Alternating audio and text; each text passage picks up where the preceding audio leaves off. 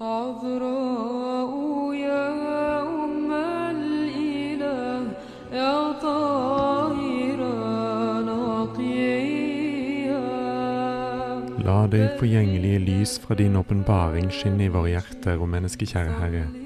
Måtte du opplyse våre sinn når vi leser om dine hellige tjenere. Lær oss ved deres eksempel å leve i lyset, slik at også vi kan leve for deg, vår Herre og velgjøre, for du er god og elsker menneskene. Den 9. september minnes vi vår hellige fader Josef av Volokalamsk.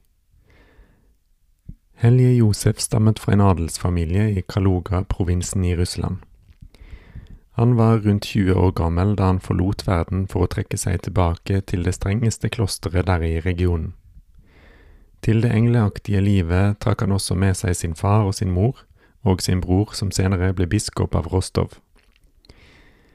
Etter å ha ikledd seg munkedrakten ble den unge Josef utnevnt til å passe på sykeavdelingen, og der pleiet han sin syke far i 15 år.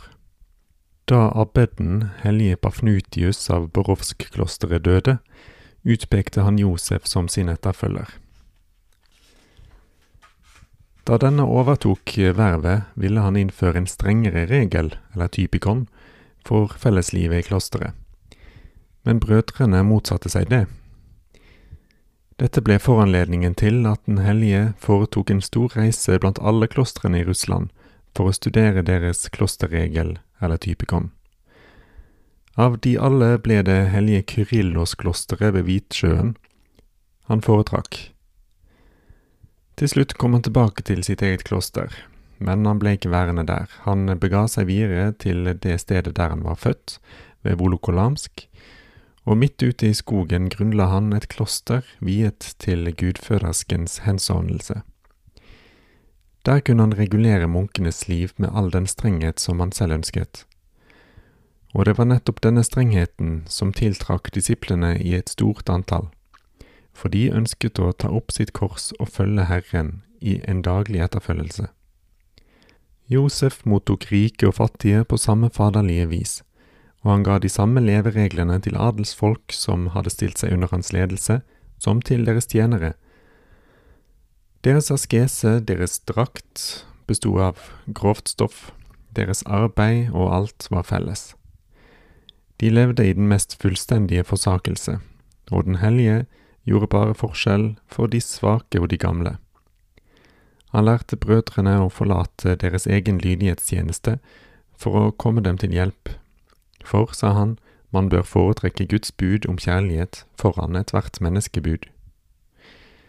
Man levde den gang i en vanskelig tid, hvor den russiske staten skulle gjenfødes etter tatar-herredømme. Hele folket var blitt fattig. Derfor hjalp hellige Josef alle dem som befant seg i elendighet, og han lærte de rike og mektige å utøve barmhjertighet mot de som bodde i landet. Under et særlig vanskelig hungersnødår tok han inn og ga mat til omkring tusen barn i sitt eget kloster. På den tiden døde den unge fyrsten Johannes av Volokalamsk uten å ha mottatt sakramentene først. Da oppvakte Josef ham fra de døde ved sin bønn, og tok han til skrifte, og gav ham del i de hellige gavene. Så hensovnet fyrst Johannes til en evig vilje. Vranglæren, de judaiserende, voldte den gang stor ødeleggelse i Novgorod. Sammen med erkebiskop Genadius av Novgorod oppnådde Den hellige ved sin lære og sitt eksempel på den rette utøvelsen av den kristne askesen at synoden fordømte den vranglæren i 1490 og i 1504. Da klostrene ble mange i det russiske landet, og et voksende antall rike overlot dem godset sitt for å få åndelig hjelp hos Gud, oppstod det et nytt problem. De lurte på om klostrene kunne råde over så store jorder og eiendommer. Var ikke dette imot den evangeliske fattigdommen?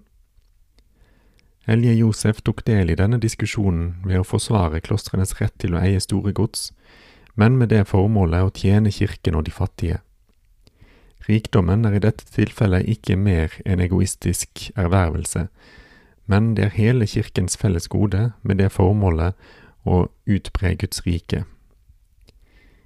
Denne oppfatningen ble anerkjent på synoden i 1503 og 1504, og var i grunnen ikke i motsetning til den motsatte holdning, som ble forsvart av hellige Nilos av Såra.